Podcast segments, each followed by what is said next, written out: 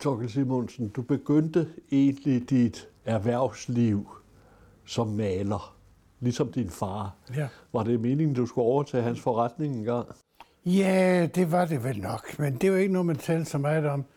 Dengang var det med at komme i gang, når man kom ud af skolen, og jeg havde kun taget mellemskoleeksamen på Lykken, privat realskole, og jeg blev drillet meget dernede. Jeg kunne ikke spille fodbold. Jeg var rødhåret, og jeg kunne noget, det andre ikke kunne, af matematik og fysik og sådan noget, og det var ikke særlig populært. Og der var slet ikke blandt pigerne. Og, så jeg var helt sikker på, at jeg skal i realeksamen. Jeg skal i mattelærer. Og der var jeg knap 14 år. Nej, knap 15 år. Men det kunne du ikke tåle. Nej, ikke lige med det samme. Altså, jeg nåede at komme til Aarhus, inden jeg opdagede, at det kunne jeg ikke holde til. Jeg, jeg kom på Hadsten håndværkerskole i november 44, og den tog tyskerne jo til øh, flygtninge fra de steder, altså øh, Ukraine og Polen, hvor de kom fra. Og der var ikke noget at gøre. Så jeg tog 11. december 1944 til Aarhus sammen med en kammerat. Bent mig ind på teknisk skole. Jeg kiggede på håndværksskolen der i Hadsten, den er der for endnu. Og så lejede jeg et værelse i Gudsbegade nummer 1. Og det hele det blev ordentligt i løbet af nogle få timer. Jeg har aldrig været i Aarhus før. Jeg har heller aldrig læst Aarhus Stifttiden. Men på en eller anden måde, så lykkedes det hele. Og det var både godt og skidt. Og, så, og, så, og sådan er det stort set lykkedes for dig det hele gennem livet, er det ikke? Jo, øh, jo det har faktisk lykkedes. Det, det, det må jeg sige. Altså, jeg fik sådan en vabler op af armen, og, og kunne ikke holde til det der sprøjt, vi gik og med med dengang. Og så havde jeg en god ven, det var KFM's sekretær, Gruppe Overgård. Jeg vidste ikke, at jeg var modstandsmand, men det var han. Og øh, han sagde, du skal, øh, du skal læse til et eller andet. Ja, sagde, men jeg har kun mellemskoleeksamen. Ja, men det er jo lige mig. Men det endte altså med, at han fik mig til at melde mig ind på seminariet i Ribe. Og så kan man spørge, hvorfor Ribe? Ja, der, vi er, jeg har fire søstre og en lillebror, og den ældste lige efter mig gik på Ribe Seminarium. Og så det gjorde jeg. Jeg har aldrig rigtig været i Ribe. Og jeg vil gerne sige, at det Ribe det er et pragtfuldt sted at læse. Der er ikke så meget, der vi jo væk fra, for det, man skal lave dernede. Øh, det tror jeg spiller en rolle dengang. Og øh, jeg må nok sige, at den værtinde, jeg kom til at bo hos, det hedder Augusta Korsgaard, hende glemmer jeg aldrig. Hun var meget ivrig at have et stort pensionat, og så ville hun gerne have et kollegium. Det skulle bygges ud i haven.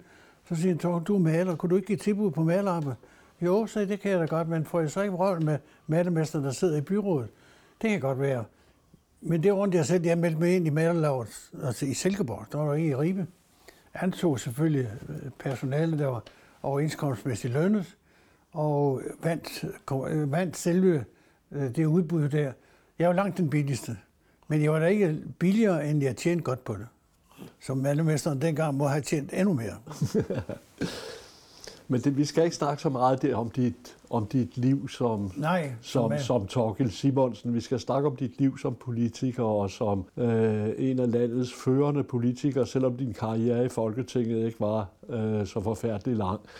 Øh, du havde den klassiske vej for en socialdemokrat ind i, øh, i politik. Der var to veje. Man kunne gå gennem menighedsrådet, og man kunne gå igennem sovnerådet. Ja. Du begyndte i menighedsrådet.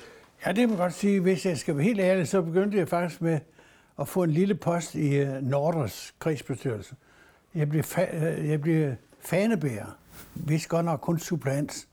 Men at stå med en fane i kirken, når nogen døde og sådan noget. Men det er rigtig en rigtig valgt post. Det var øh, uh, meningsråd. Og hvorfor nu det? Ja, dels kunne jeg godt lide præst. øh, han blev senere biskop i Odense. Pastor Falk hed han.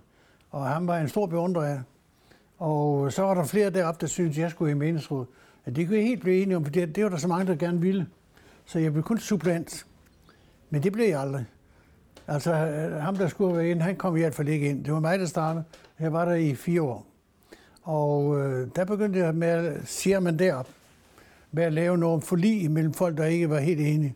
Der var jo sådan en stærk kristelig liste, eller kirkelig liste, og jeg var jo valgt på en socialdemokratisk liste selvfølgelig. Og så skændtes vi lidt om, hvad man brugte krypten til. Krypten, det var den gamle kirke, før den nye blev bygget ovenpå. Og øh, der ville jeg have, at DSU også måtte komme, når FDF og KFM og Spejder. og det var der ikke enighed om. Men øh, så, blev, så blev det enige, præsterne blev enige om, at øh, to mænd fra meningsrådet, det ene det var for Hans Terkelsen, min kollega som skoleinstruktør et andet sted, han repræsenterer den kirkelige liste, og jeg repræsenterer den her. Og vi blev i hvert fald enige om, at alle skulle have ret til at komme der. Men så begyndte øh, Bolle Kok at blande sig i det. Ikke at de må komme der eller ej, men hun havde, at de skulle betale for det. Og det var hele meningsrådet enige om, det skulle de ikke. Så i dag kan man på Christianshavn låne øh, bare det til en ungdomsarm fuldstændig gratis. Det gælder siden den tid. Det er det første forlig, jeg har lavet. Og du har valgt på en socialdemokratisk liste, men, men din interesse for politik øh, drejede sig jo ikke om Socialdemokratiet i første omgang. Nej. Du var, du, var, du var en stor beundrer af Dansk Samling og ja. Arne Sørensen. Hvad var altså Arne Sørensen? Hvis der er nogen yngre seere, der, der skal, ser med her, så skal vi lige fortælle, at Arne Sørensen var en, en meget karismatisk mand, i øh, dansk politik. Han lavede partiet Dansk Samling, som øh, havde en vis betydning øh, under 2. verdenskrig, hvor der var mange øh, modstandsfolk, der også følte tilknytning til dansk samling. Øh, han ville, hans mål var at få en tredje vej i dansk politik. Ja. Hvad, hvad gik det ud på? Altså, og, hvorfor, og, hvorfor, og hvorfor blev du optaget af dette karismatiske ja, det, menneske? Det skyldes helt andre folk. Det skyldes en dame, der hedder Rimo Jermitser, som øh, sikkert udgik fra Venstre. Hun havde sin egen private skole op i uh, Lyngby i Vendsyssel, og øh, hun var så meget optaget af, at vi skulle yde ydende modstand over for tyskerne. Og øh, jeg meldte mig ind i nu, det unge grænseværn. Det var startet ned i, i, uh, nej, i Sønderjylland et eller andet sted. Og det førte så med sig, med, at jeg kom i forbindelse med folk, der havde med dansk samling at gøre. For øh, de var ikke venstrefolk, alle dem, der havde med det unge grænseværn at gøre. Og øh, der startede det så. Og øh, jeg vil sige, en, der måske betød mere end Andersen, det var en, der hed Stærmose. Han var øh, højskoleforstander i Støvring. Og han var jeg nok en stor beundrer, jeg synes. Og så var der en rektor Holm, øh, som var her på øh, gymnasiet, nej, seminaret her i Aarhus. Og nogle af de folk på en eller anden måde kom jeg i forbindelse med. Så jeg var med til at starte Dansk Samling Ungdom her i Aarhus. Og der fik jeg nogle meget tiltagende mennesker ind, nok der oprind... nogen, der senere blev socialdemokrat, de fleste af dem, men ikke alle sammen. Men det er jo sjovt, for dansk samling folk, de spredte sig over det hele. Altså, ja, ja. Vi kan huske øh, Paul Dam, som sad ja, ja. for SF i Folketinget i en lang tid, men egentlig var det vel et liberalistisk parti, jo, var det ikke? jeg har sådan et dejligt brev fra Paul Dam. Nogle få dage før jeg går af, der skrev han til mig, at du er den, der har ført vores visioner videre på en god måde. Noget i den retning skrev han til mig. Han døde for kort tid derefter. Jeg har ikke noget med ham at gøre, efter, eller før jeg blev minister eller noget som helst. Men jeg må nok sige, at det dans som, som jeg læser om eksisterer i dag, det ligger jo til højre for jeg ved ikke hvad. Det har ikke noget med den, det dans som jeg har kendt.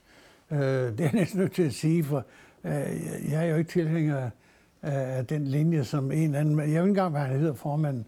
Men øh, det var under krigen et modstandsparti. Det startede før krigen, øh, måske med den her tredje vej, den kunne godt diskuteres, om den var så demokratisk. Øh, men det tror jeg ikke, vi lader meget vægt på. Det var modstandsbevægelsen, og det vi viste, at Kai Munk var medlem af den samling, eller når, når, for så frem, som om han var. Det var så noget, der tiltrækker os, der var unge her i byen i hvert fald. Jo, det, det er lidt sjovt for mig at tænke på, hvis vi ser på dansk samling rent ideologisk, slagordet, det var staten stærk, folket frit. Ja. Øh, det var et nationalistisk parti. Ja. Socialdemokratiet var et internationalistisk ja. parti.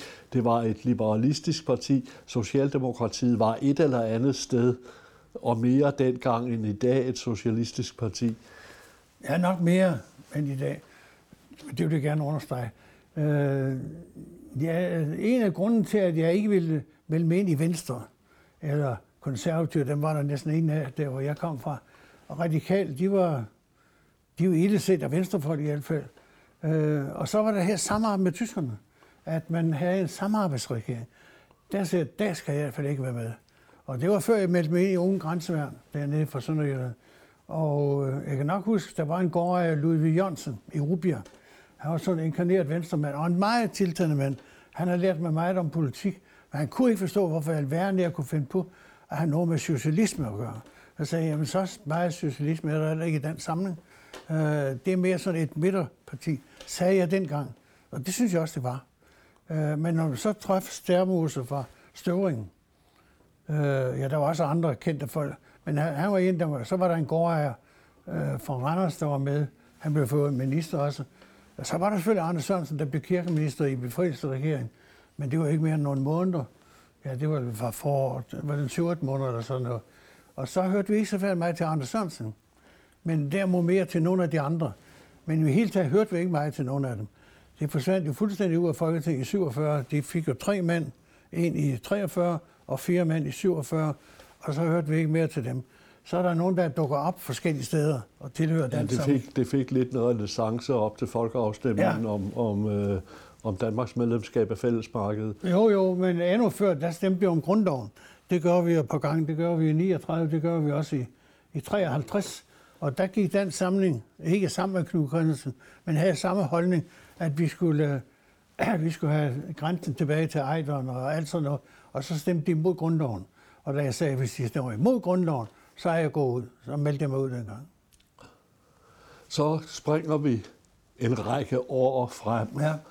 øh, til 1966, ja. hvor du stod som nummer 11 på den socialdemokratiske liste, og I fik 11 mand i byrådet. Ja.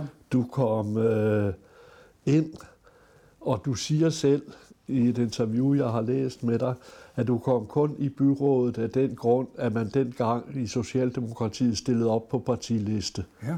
For hvis du skulle være kommet ind på personlige stemmer, var du aldrig kommet ind. Ikke på det tidspunkt i hvert fald. Og så skete der det, at... Øh, ja, så var... Hvem, hvem var det i øvrigt, der var blevet valgt i stedet? Svend Auken. Det var Svend Auken, der allerede dengang Jamen, Svend var blevet Auken, valgt han begik flere fejl dengang. For det første øh, lå han øh, før den bestemme. Han fik plads nummer 14, og jeg havde plads nummer 11. Og så tog han en tur til Amerika under valgkampen. Og de unge, der havde stillet ham op, jeg var som en af dem, der gerne ville have støttet ham. Jeg regnede ikke selv med at komme ind heller. Men øh, han, øh, han kom ikke ind, og da han kom tilbage, der var ham, der kom, var lige efter ham, det var en pastor, Richard Sørensen. Han blev så fornærmet over, at han slet ikke kom ind, så han meldte sig ind i SF og flyttede til Samsø. Men jeg, jeg kom ind som nummer 11, og det, jeg, for det første har jeg ikke troet, at jeg blev nummer 11.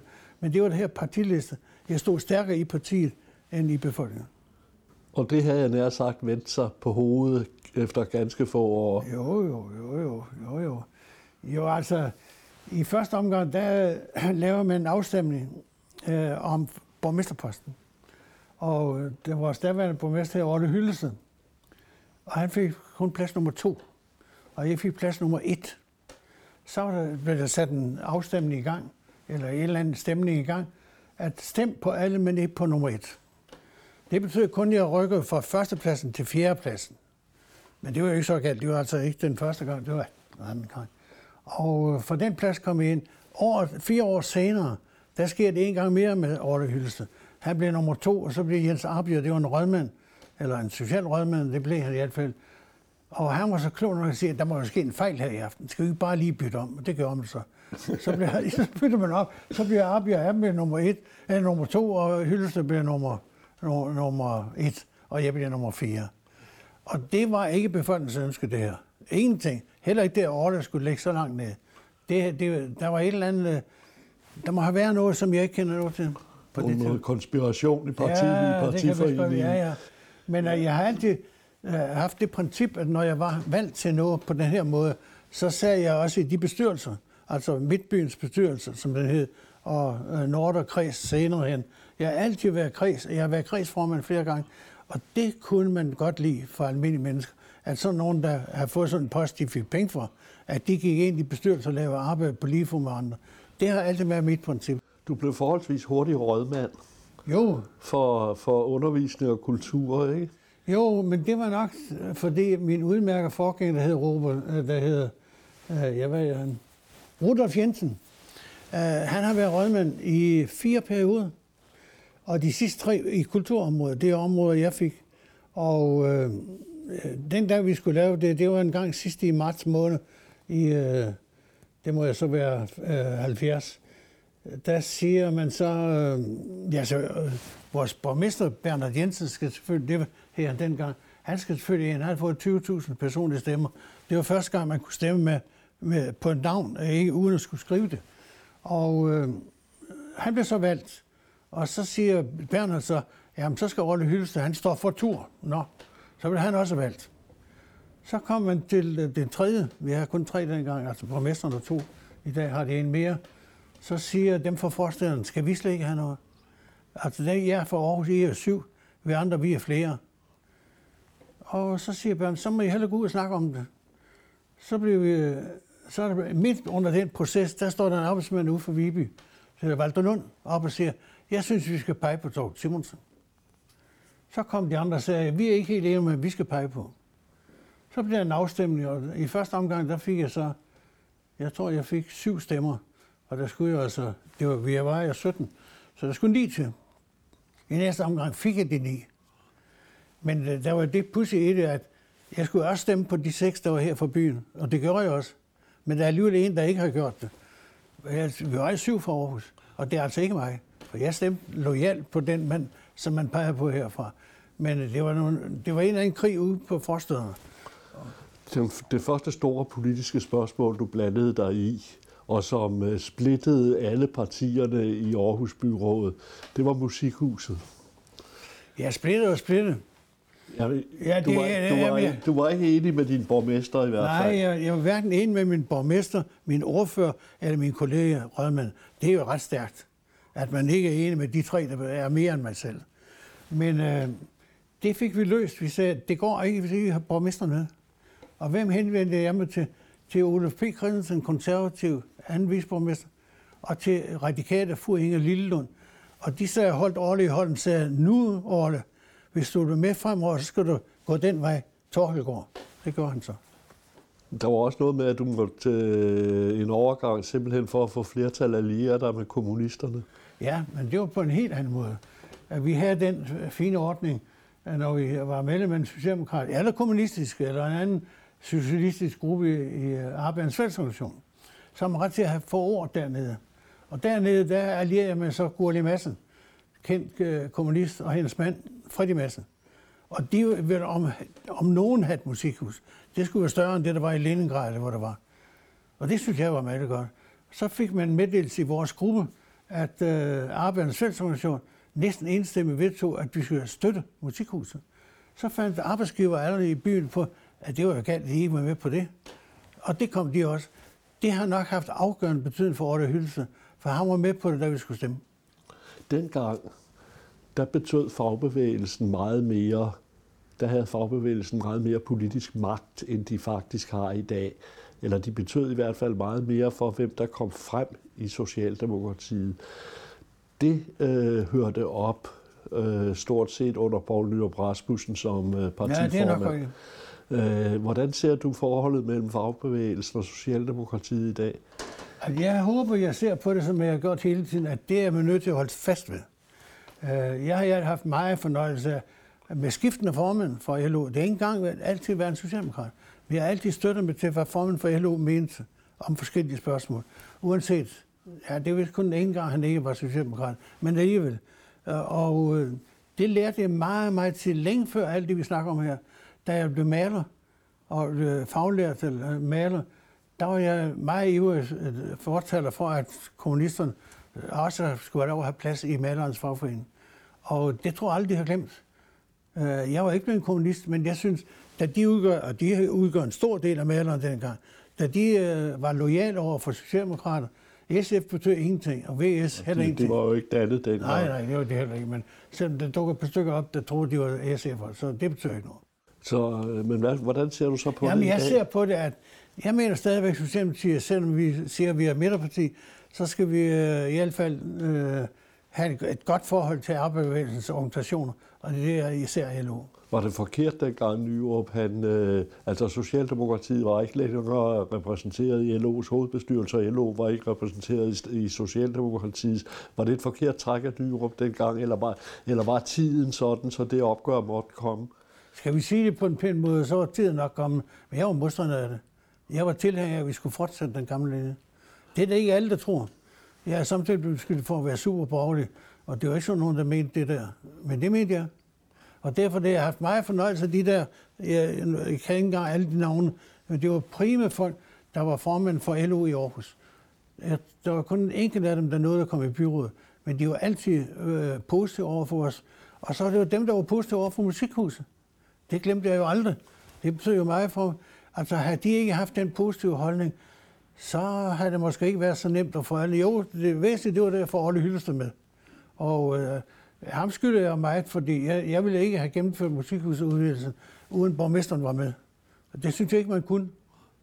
Jeg kunne nok finde flertallet, men det er ikke noget ved at have flertallet, hvis borgmesteren står uden. Det synes jeg var forkert. LO's magt i nyere tid i hvert fald toppede jo med Thomas Nielsen. Ja. Nå, siger du. Jamen, jeg kendte godt Thomas, fordi de var ved at lave en demokratisk udgave af en avis herovre, og der sad jeg i bestyrelsen sammen med Thomas. Og øh, jeg havde et meget bedre indtryk end andre her Thomas, men han var bare meget stedig, da han ikke kunne få noget øh, salt i bladet. Det kunne han ikke. Og, og der også var lidt modstand om, at han gjorde det lidt for stærkt i forhold til lokalt og sådan noget. Men jeg vil sige, at jeg tror, at han har ret. Uh, han skulle have banket videre, uh, og så ikke holdt så meget på den gamle demokrat, men holdt på en ny. Det gjorde han ikke helt, og så, så gik det jo i vasken. Ja, Demokraten var den socialdemokratiske avis i Aarhus. En avis, som vel hele tiden, og det gælder vel også øh, Socialdemokratiet i Aarhus hele tiden har ligget sådan lidt til venstre for det øvrige Socialdemokrati. Der har været lidt mere rebeller over jer i Aarhus, end der har været i partiet som sådan, har der ikke? Jo, men det støtter jeg altså også. Og det er der godt nogen, der siger, at det, det kan ikke være dig, Tol, der gør det. Men det var det altså. For det, jeg kunne se, det var holdningen i arbejderbevægelsen. Det var, at partiet og øh, fag, altså kooperationen, dem skal også lige have med, og så LO, altså arbejderbevægelsen, de er nødt til at holde sammen, for det, det gør man for borgerlige kreds. Næsten ligegyldigt hvad, så holder borgerlige altid sammen på en eller anden måde. Det er måske lidt anderledes lige for øjeblikket, men, men øh, det har de i hvert fald mange gange gjort. Og øh, jeg tror i og for sig, at de konservative år, som engang var meget stærkere, end de er i dag, de har kun et mand i dag, øh, de har engang ni i byrådet, de har altid forstået, at det er klart, at jer, der tilhører den anden side, I skal stemme på de partier.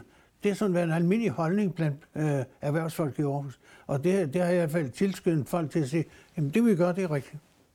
Og, og det lå lidt til venstre for partiet? Åh, oh, det kan man også godt sige. Jo, jo.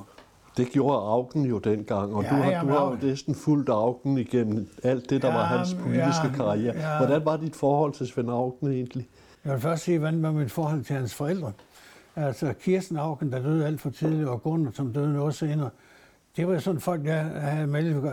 Det passer mere til min alder også. Men jeg, jeg var selvfølgelig, jeg har altid støttet Svend Auken. Og, men øh, her på det sidste med flygtning, og der synes jeg nok, han øh, afved lidt for meget. Øh, men det er næsten ked at se. Jo, altså, jeg tror nok, vi var nogen, der havde en lidt mere moderat holdning til, hvor venlige vi skulle være over for rigtige flygtninge, der kom efter flygtningekonventionen.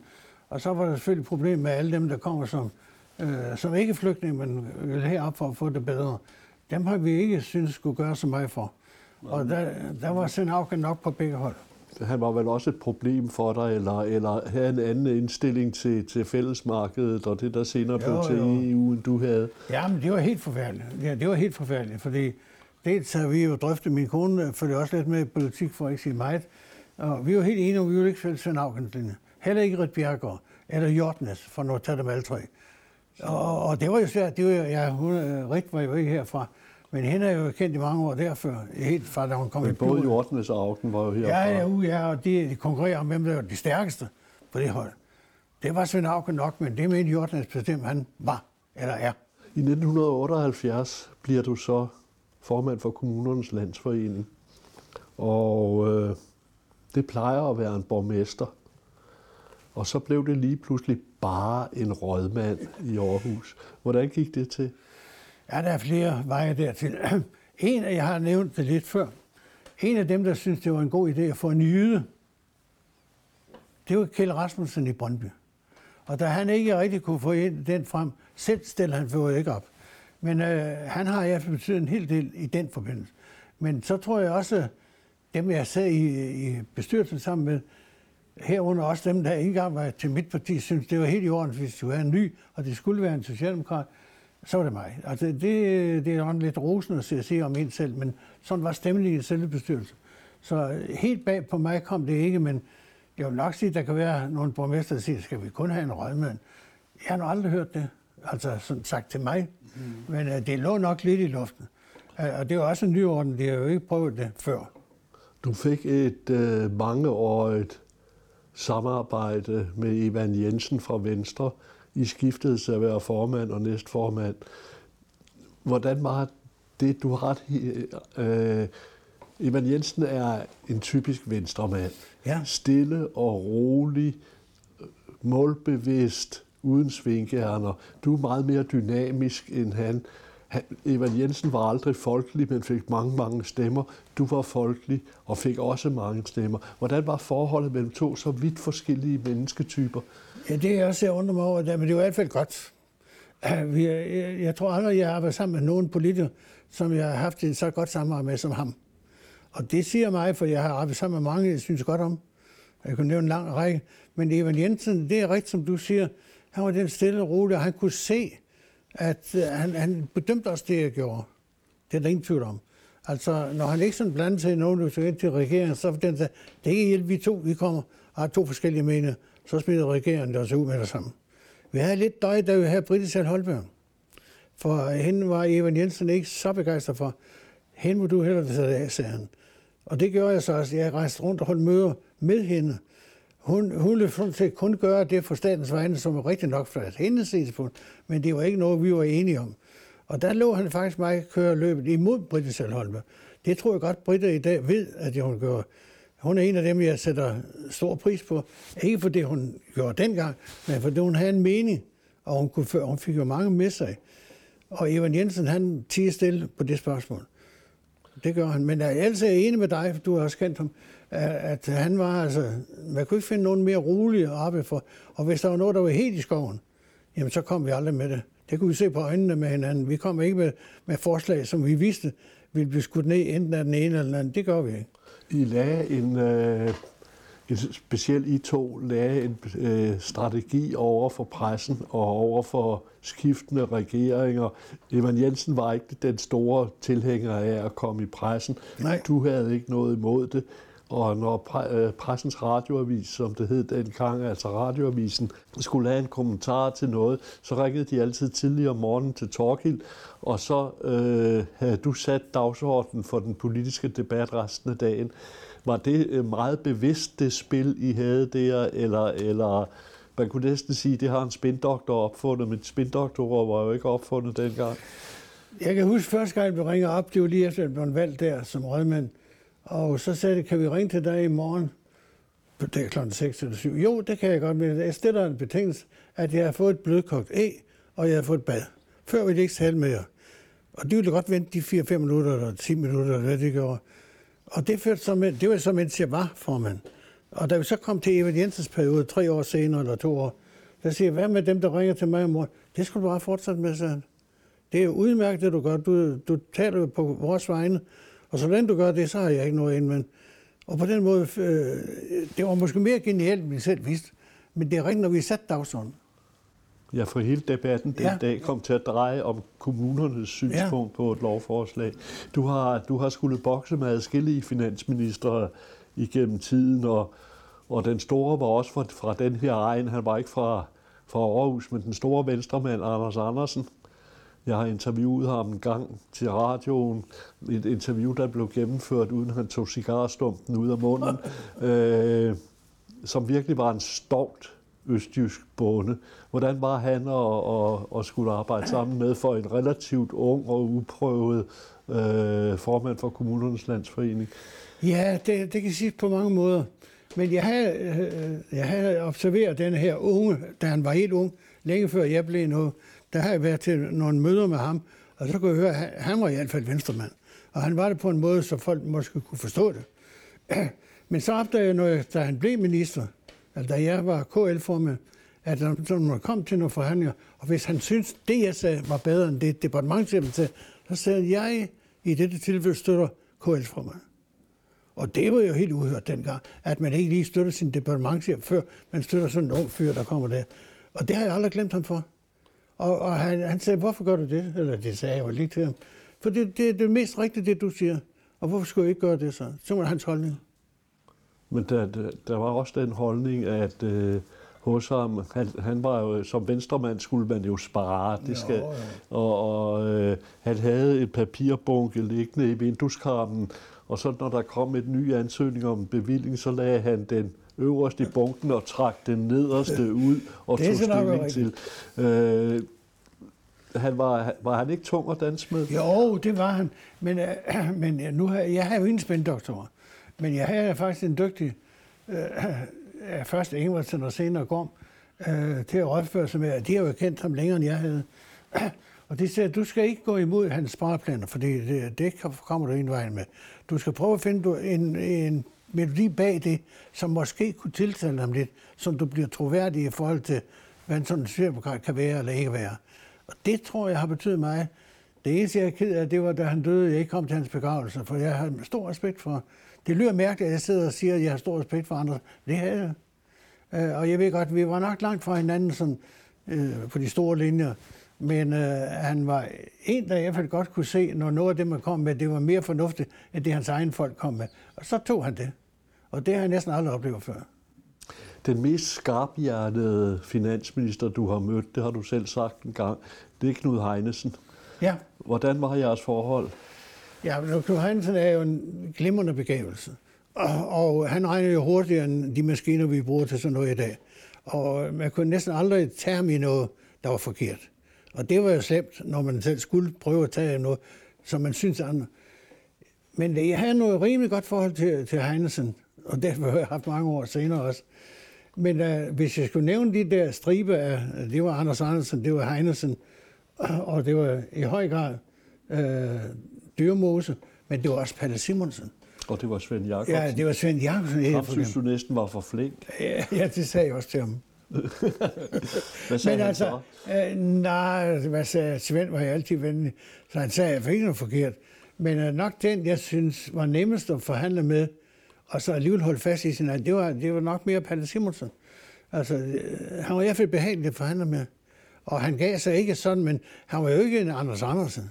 Han sagde jo bare nej.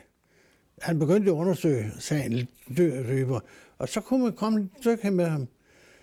Det kan man ikke med alle. Jeg kom det nok nogenlunde på samme måde med dyrmose, selvom de var frygtelig meget forskellige. Dyrmose var jo en, man sagde, man skal tælle fingrene, når man går ud fra mødelokalet med ham alle sammen. Men øh, det var her under dyrmose, jeg lavede den største ændring af forholdet mellem kommuner og staten, da jeg fik, fik sammen med dem, jeg havde med at gøre, øh, alle lærerne flyttede over til overenskomstanser, i stedet for at være øh, tjenestemænd. Altså, det var med at dyr. Folkeskolelærer var dengang statsansatte Ja, ja, statstjenestemænd, og du fik dem gjort til kommunale Ja, tjenestemænd og det var det, var ude på. Og det Hvorfor, tog, hvorfor var det så vigtigt? Jeg tror da for, at synes, at vi selv skulle bestemme over de folk, vi ansætter. Men det var nok også fordi, jeg synes, at øh, det her statslige, det spiller pludselig ind øh, på forskellige steder. Ikke for at sige, at Dyrmos lige var ude på noget, men Dyrmos kunne til gengæld se, hvis den unge mand, der sidder derovre og får det igennem, øh, så skal han betale for det. Og det kom vi også til. Altså de der pensioner, der galt statstjenestemænd, de kom til at, der kom vi til at betale. Øh, der var et eller andet der økonomisk, der gjorde, at hvis ikke vi havde gjort det, så har vi ikke fået den ført over. Så Dyrmose var jo på statens vegne en meget dygtig finansminister, men han var ikke populær. Nej, og du nævnte Palle Simonsen før, han, var, han tilhørte jo, Han var populær. ja, og han tilhørte vel, kan man sige, den, den socialdemokratiske fløj i, Jo, jo. i det konservative folkeparti. Skulle vi lave noget sammen med så skulle det være typer som Palle Simonsen. Det er der ingen tvivl om. Øh, Henning Christoffersen? Jamen, Henrik Kristoffersen, han havde det jo svært. Dels skulle han jo passe den post, og så havde han Britta Holberg. Og hun sagde jo noget andet end lige det, han sagde. Så jeg tror, det var medvirkende til, at man lavede Britta Holberg til landbrugsminister. Der var vi i hvert fald glade inde i KFM. Nej, KFM i KL. Det var, der var vi meget glade, at det skete. For det, de synes, det var meget bedre, at hun kom til at slås med landmænd, end med kommunernes landsmænd. Det har vi ikke været ked af at sige til hinanden, selv på møder på universitetet heroppe. Og øh, hun har kunne tåle det, og hun har ikke sagt mig imod. Når, når, når du var uenig med Svend Augen i det, der senere blev det store flygtningespørgsmål, så må du jo også have været uenig med Britta Schall Holberg. Hun havde jo næsten samme holdning, som Svend Augen havde. Jo, jo, det ved jeg godt. Jeg kan ikke huske Britt så meget på det punkt. Men øh, Ja, hun er nok. Altså, jeg, jeg kom ind, der skulle være en strammer, ikke? Og, Nå, det kommer vi tilbage nå, til, Torge. Vi skal lige men, have gjort dig til borgmester først. Ja, det er rigtigt, jeg er ikke blevet endnu. Det, men, ble, det blev du i 82. Ja, og der, der skal vi også lige have det med, at uh, før 82, der har man altid opstillet borgmesteren uh, sammen med alle andre i en uafstemning. Og der var, jeg fortalte tidligere, at der er noget hyldeste begge gange. Jeg kan huske, ikke blive nummer et på almindelig vis. Og det holdt man så op med. Så laver man afstemning om borgmesteren helt alene, og de andre for sig. Og der vandt jeg jo hver eneste gang. Øh, og så var det et problem løst. Om det øh, kunne være løst på anden måde, det ved jeg ikke. Men øh, der var tre kandidater, da jeg blev borgmester sammen. Og jeg kender også navn på de to, som ikke blev det. Men øh, jeg har aldrig mødt dem. Altså, jeg har ikke stået over for nogen, der konkurrerer med mig. Jeg kan øh, godt nævne navn på en af dem. Ja. Axel Rasmussen. Der er det sjove ved det, ved dig som øh, politiker, at din nærmeste rådgiver, da du bliver borgmester, det er ikke din kommunaldirektør. Det er en af arkitekterne i kommunen, Paul Erik Jensen. Nej, jeg er ikke arkitekt, men økonom over i skoleafdelingen. Jamen, han øh, stod bag, i hvert fald bag en stor ja, ja. del af byggerierne i Aarhus. I høj grad. Ja, det, det gør han i høj grad. Øh, jeg fik ham jo ansat, og det var fordi, jeg traf ham lige efter, jeg var blevet rødmand. Der traf jeg ham lige i øh, kafeteriet, og der var ikke almindelige rødmænd, de kom dernede. Men det gør jeg, fordi men der sidder jo nogle af dem, der betyder noget. Så jeg kom til at lære Paul Erik Jensen, godt nok radikal og tidlig folketingskandidat, og meget andet, men det var jeg ligeglad med. Han var dygtig. Han lavede en plan over, hvordan skolebyggeriet skulle være. Og selvom han ikke var arkitekt, så, så slog han staten på det område. Vi kunne få det først bygge billigere og bedre i Aarhus. Vi byggede jo mange skoler, 6-7 stykker eller sådan noget. Øh, dengang kostede de vel kun 30 millioner. Det, det er jo helt ufatteligt, var så billigt, men det var det vist nok. Den. Det var ham, der har været min mentor længst her i livet.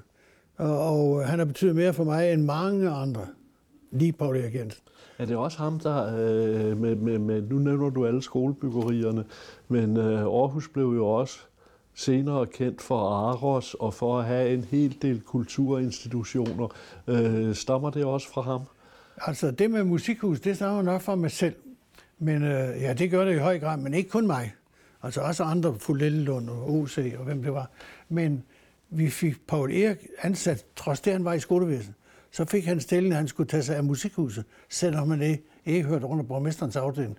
Så han blev den mand, sammen med den første direktør, vi havde, Paul Børge Kok, øh, den, der kørte alt det her igennem og rettede sig efter alle de besvarelser, vi lagde ind i spillet. For det måtte ikke koste en krone mere, end vi har sagt. Og det kom det heller aldrig til. Øh, så få har som ikke-politikere betydet så meget for byen som Paul Erik Jensen. Den voksede, der både erhvervsmæssigt og, ja, erhvervsmæssigt. og kulturelt. Altså Aarhus blev en kulturel hovedstad i, i uh, Jylland på det tidspunkt Jo, jo, altså for det første, uh, musik, de blev meget glade i symfoniorkester. Men jeg har sagt til dem, det er ikke jeres hus alene.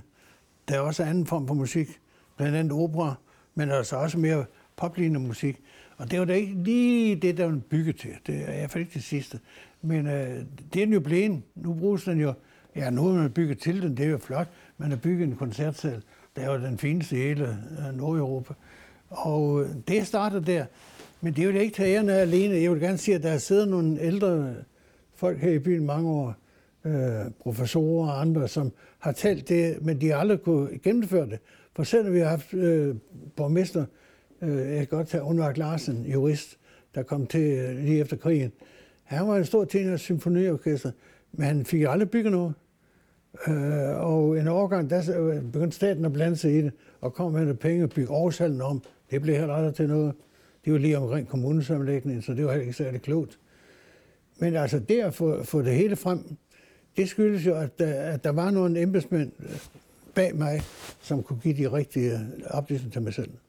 Mens du var borgmester, så kommer det, der øh, vel skabte de største skæld, vi har i politik i dag. Der kommer øh, den øh, betænkning, hvor et mindretal i Folketinget imod Erik Nien Hansen får vedtaget en ny flygtningelov, indvandrerlov.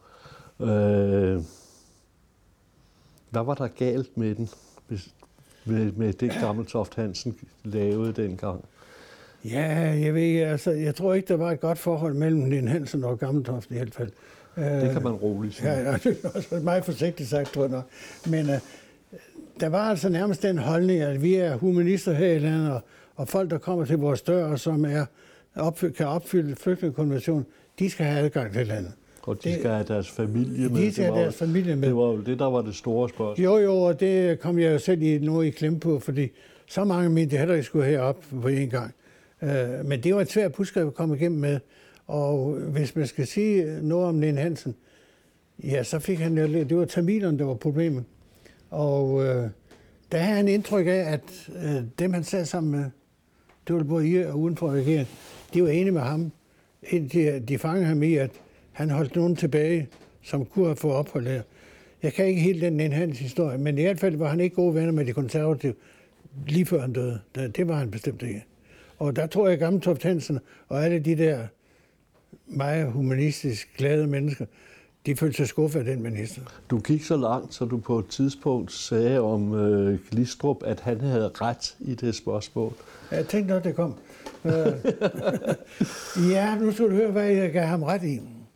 Det var ham, der kom til at sige på et tidspunkt, der vil være så så mange tusind øh, flygtninge her i landet. Og øh, det var svært at gå imod, for det kunne han bevise øh, i de tal, der kom frem. Og det var på den måde, jeg, sagde, jeg gav ham ikke ret i alle hans mere eller mindre pæne udtalelser om flygtninge og sådan det, det gjorde jeg ikke. Men jeg, han fik ret i tallene. Og det kom jeg til at sige lige før jeg blev minister, og det hørte jeg meget for. Og jeg ved ikke, om man kan godt nok ud af det. hænger stadigvæk et eller andet sted, at Torkel Simonsen siger, at Glistrup har ret.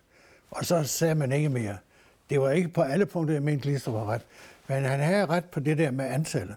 Og ja. det, du kom så langt også, øh, også så du øh, ligefrem blev dømt for æreskrænkelser mod Søren Krav. Ja. Hvad sagde, hvad sagde du om ham? Jeg sagde, at jeg skulle lave sådan en indsamling til Dansk Flygtningehjælp, og der, der spørger så Ekstrabladets journalist på en åben tv-udsendelse, tror jeg det var, øh, hvad mener du om Ja, det er sådan lidt små racistisk. Jeg har ikke fortalt ret mange, at den advokat, jeg havde, han sagde, at det eneste fejl ved dig, det var, at du sagde små racistisk. Ellers har du haft ret. Men det er ikke set hos dommeren. Men det er når jeg, jeg kom til at, og jeg vil lige for sig, jeg nu ved, jeg måske næste uge skal møde Søren Krab. Jeg har ikke mødt ham mange år. Øh, men jeg har tit tænkt på, at han har aldrig nogensinde hængt mig op i, i den sag der. Han kunne godt have været efter mig og sagde, at du sagde sådan og sådan. For han var noget chokeret, da vi kom i retten, og jeg gik hen og hilste på ham og sagde, velkommen til Aarhus.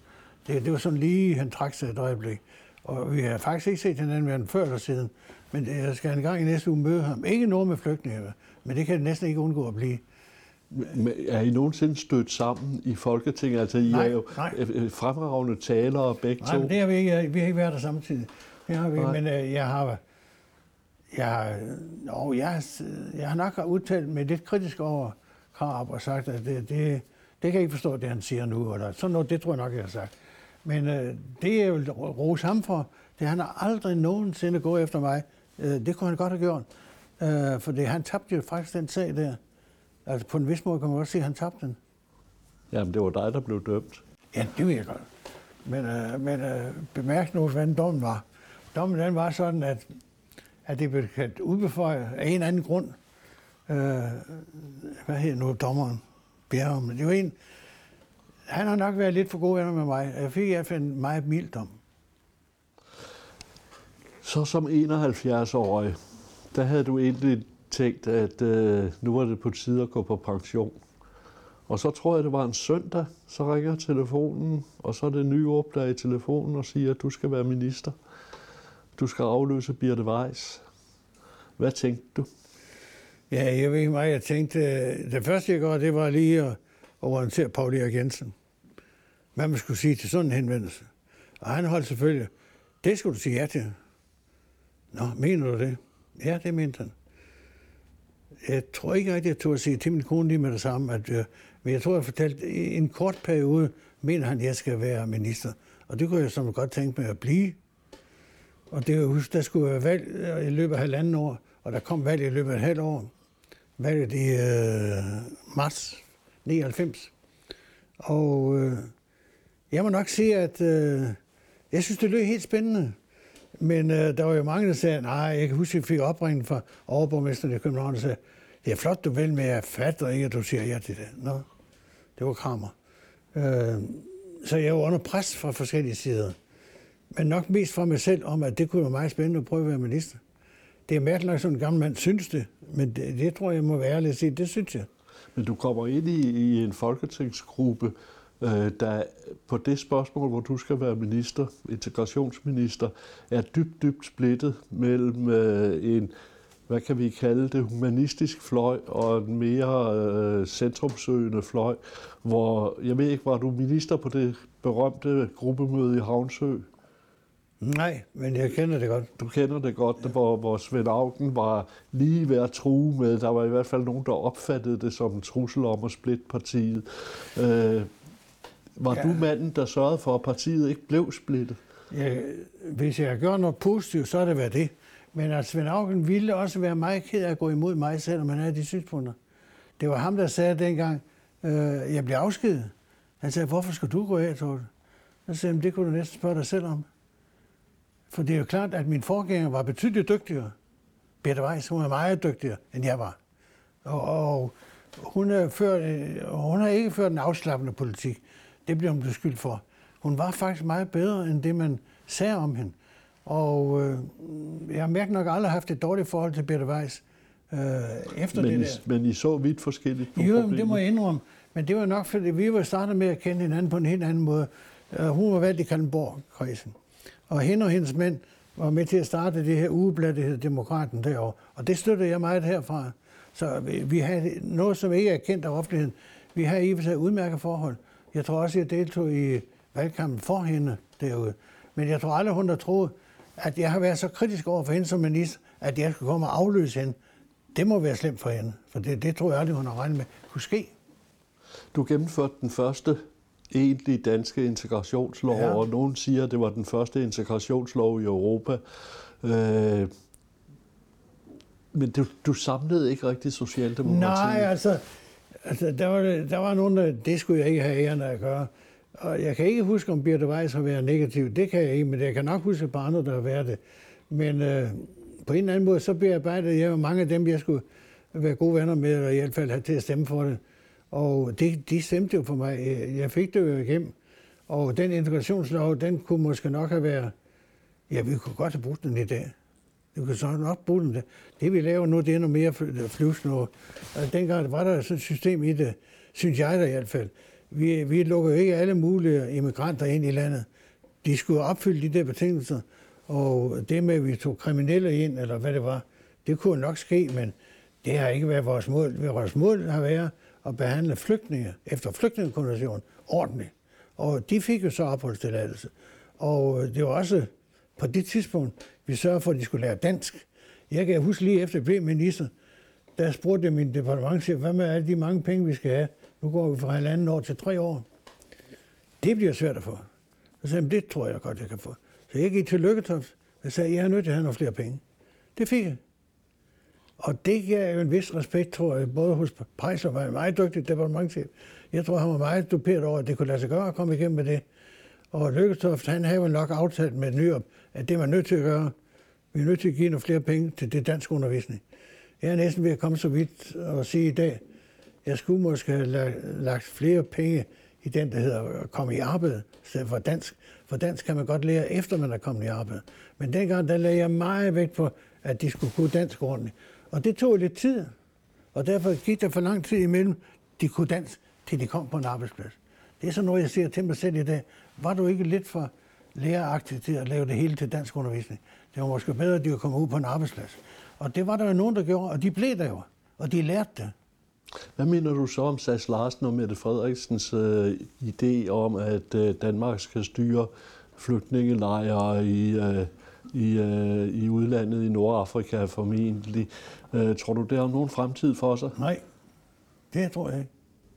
Hvad så? Så står Socialdemokratiet i under... Hvis det ikke har nogen fremtid for sig, så slår Socialdemokratiet vel stort set øh, uden en flygtning-indvandrerpolitik i dag? Ja, det er en lang historie.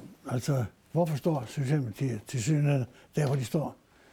Ja, det er jo for konkurrencen om, hvem der kan være skrabest. Det, det er jo en konkurrence, der kører på alle partier. Kan du følge dem? Nej, det kan jeg ikke. Det, kan jeg, det er nødt til at sige, det kan jeg ikke. Men altså, jeg, du har ikke hørt mig sige det, jeg siger her før. Øh, men det er, fordi det er så pinligt for mig, at vi har havnet der, hvor Dansk Folkeparti stod en gang. Det, det, det er for mig. Og jeg tror ikke rigtig på, at det er vejen frem. Men altså, nu ved jeg godt, der er ved at blive indgået en aftale på verdensplan i FN, øh, hvor, hvor vi er ved at komme, ja, hvor Venstre går ind for noget, og vi gør vist også, hvor Dansk Folkeparti ikke er med mere. Og om det så er en vej for at få de kriminelle, eller de ikke berettiget til at være her i landet lettere ud, det er det, Lars Løkke siger. Og det vil jeg ikke, øh, det kan jeg måske godt følge, for det, det er jo et forsøg værd. Men det her med at tro, man kan finde et sted nede i Afrika, og hvor er et demokratisk land i Afrika i øvrigt? Det skulle helst være et demokratisk land, vi skulle have dem i. Og, og vil det ikke medføre, at vi flytter, vi flytter derned, at så vil folk nemmere komme til vores lejr, og så vil det være et større antal, vi skal... Altså, var der ikke noget med, at det var noget helt andre, der skulle tage stilling til, hvem der må komme ind og sådan noget. Det var FN. Og FN er jo ikke... Jo, når man siger FN, så bliver folk jo så glade. Det er jo så neutralt, og det er det ikke. FN indeholder også de lande, der, der modarbejder os. Jeg, siger ikke dermed, at jeg ikke synes om FN på mange måder. Det gør jeg, men, men øh, jeg er meget betænkt ved at gå ned og sige, at de skal placeres i et land uden for os. Det, vi må Hvad? selv... Hvordan bedømmer du, du har kendt mange politikere gennem tiden, hvordan bedømmer du øh, Øh, den styrke og den karakter, som øh, Sass Larsen optræder med? Han er vel i øjeblikket, bortset fra Mette Frederiksen, den mest magtfulde i Socialdemokratiet. Jamen, han har altid været magtfuld. Jeg har kendt ham, ja, før Bøsker, når både ham og Bøsker, fra dengang de var DSU'er og, og spillede en stor rolle. Og dengang tænkte det er jo meget, dengang var ny og blev lidt bange for dem. Det kan jeg da huske, i hvert fald for, for Sass Larsen. Men man kan jo ikke sige andet, at Larsen har på sine betingelser øh, taget magten der. Det, det er nødt til det har. Det tror jeg, har. Jeg er mere forbundet over, at Mette Frederiksen følger hele vejen. Sådan kendte han jo ikke. Da jeg var minister, der var han jo en ung, venstreorienteret type, som, som nærmest var efter mig. Jeg kan ikke bevise det, men... Har han fået for meget magt i Socialdemokratiet? Det skal jeg nok ikke. Jeg, jeg tror, at dem, der øh, har magten i Socialdemokratiet, mener, at det er passende, den magt, han har. Det tror jeg. Det er ikke sikkert, jeg synes, men det tror jeg, de synes. Du synes det ikke? Nej, jeg vil ikke sige, jeg er lidt valen på det her område. Vi skal lige nå, inden vi slutter, det, det sidste store opgave, du fik. Da du så forlader øh, integrationsministeriet, så tror du så, nu kan jeg blive pensionist. Nå ja. Og så ringer der en minister til dig og siger, at vi har nogle problemer, vi er i gang med at lave nogle øh, kommunesammenlægninger, og der er nogle kommuner, som øh, ikke rigtig øh, vil nå op på det antal mennesker i kommunen, som vi synes er en ideal kommune. Og så bliver du som enrådig opmand placeret til at redde trådene ud der. Da kommunesammenlægningen i 1970, øh, der var der selvfølgelig også problemer. Der var der en gruppe embedsmænd med en departementschef i spidsen, der hed Henning Strøm, som klarede de øh, problemer. Øh, men nu skal du rejse rundt og sørge for, at de øh, stridende kommuner øh, kommer til at arbejde sammen. Hvordan, øh, hvad synes du om den opgave? Altså, jeg spurgte Lykke, øh, jeg blev først ringet op af en af embedsmændene. Han hedder for Ørs Torkel Jul. og jeg havde også kontakt med Ole Stavad, inden jeg fik en opringning fra, øh, fra Lykke. Og så siger jeg, Lykke, hvad, hvad er en opmand? Ja, det, det ved jeg ikke. Du må da vide, hvad det er, du har med til at lave. Ja, det, du skal sørge for, at de gør det rigtigt. Jamen, hvad er det så? Ja, det, det, det fik jeg aldrig noget svar på. Så sagde jeg, jeg tager fat på opgaven, men på en betingelse, eller et par betingelser. Der var noget med, at jeg skulle på ferie, og der var også noget andet, jeg skulle. Og så ville jeg have Paul Erik Jensen med, betalt af staten. Alt det fik jeg ja til lige med det samme. Så vi begyndte at rejse rundt, og det var før, jeg skulle på ferie til Ægypten. Vi har kun to måneder til det her. Og jeg må sige, at den modtagelse, vi fik rundt i kommunerne, den siger bare to til den, nogle politikere har fået. Selv folk, der var modstandere af samlingen, eller det modsatte, de var så høflige og så øh, fine over for mig, som jeg aldrig kendte noget lignende. De mente, det jeg kom med, det var sådan, det svarer til, hvad en højstrætsdommer vil afgøre. Og det gør det jo ikke. Selvfølgelig have gode vejledere. Men øh, når jeg tænker, skal vi lige tage, øh, vi kan tage Humle øh, Karlebo. Det er godt. Karlebo, det var en lille fattig kommune, der lå blandt nogle konservative rige kommuner deroppe. Og Karlebo ville jo gerne sammen med, med de, byer, øh, de to kommuner nordfor, Humlebæk og så videre. Men de ville ikke have det med, fordi de var for fattige. Det sagde de jo ikke, men det var det, de var. Det, det lykkedes for mig at få dem til at tale sammen. Og de blev en kommune. Det lykkedes mig ikke at få Hørsholm med. Og det var fordi, de havde en minister der engang, eller en borgmester, der engang var fremskridtsmand. Jeg kan ikke Tordal. Ja, Tordal. Ja. Og uanset at jeg, tog, jeg gør meget ud af Tordal, han fik lov at holde møde inde på mit kontor. Jeg ville ikke sidde andet sted, det skulle være i orden. Jeg kunne altså ikke få ham overbevist om, at det var klogt. Han havde selv lavet en afstemning, og det var det hans fordel. Der sagde skal vi så prøve en gang mere, når I får nogle nye op? Nej, jeg taler om. Men det var sådan en af de ting, jeg må sige, at det er den mest interessante opgave, jeg nogensinde har haft. Jeg har aldrig mødt så meget velvilje fra folk, der både var uenige med mig, eller enig med mig. Det har jeg. Jeg har aldrig fået så mange venlige breve, eller fine behandlinger af journalister. Det, det er virkelig en succes, synes jeg, og det er måske lidt uberettiget. For det var ikke kun mig, der kunne det der. Det var der, fordi jeg havde nogle knalddygtige mænd. Altså Paul Erik Jensen, også øh, Jul øh, og dem fra Indrigsministeriet, fuldmægtigen, de var dem var det. Tak skal du have, Torkel Simonsen, for at fortælle om din vej fra menighedsrådsmedlem til problemknuser for en borgerlig regering. Ja, den, er også, den kan ikke forudses på forhånd.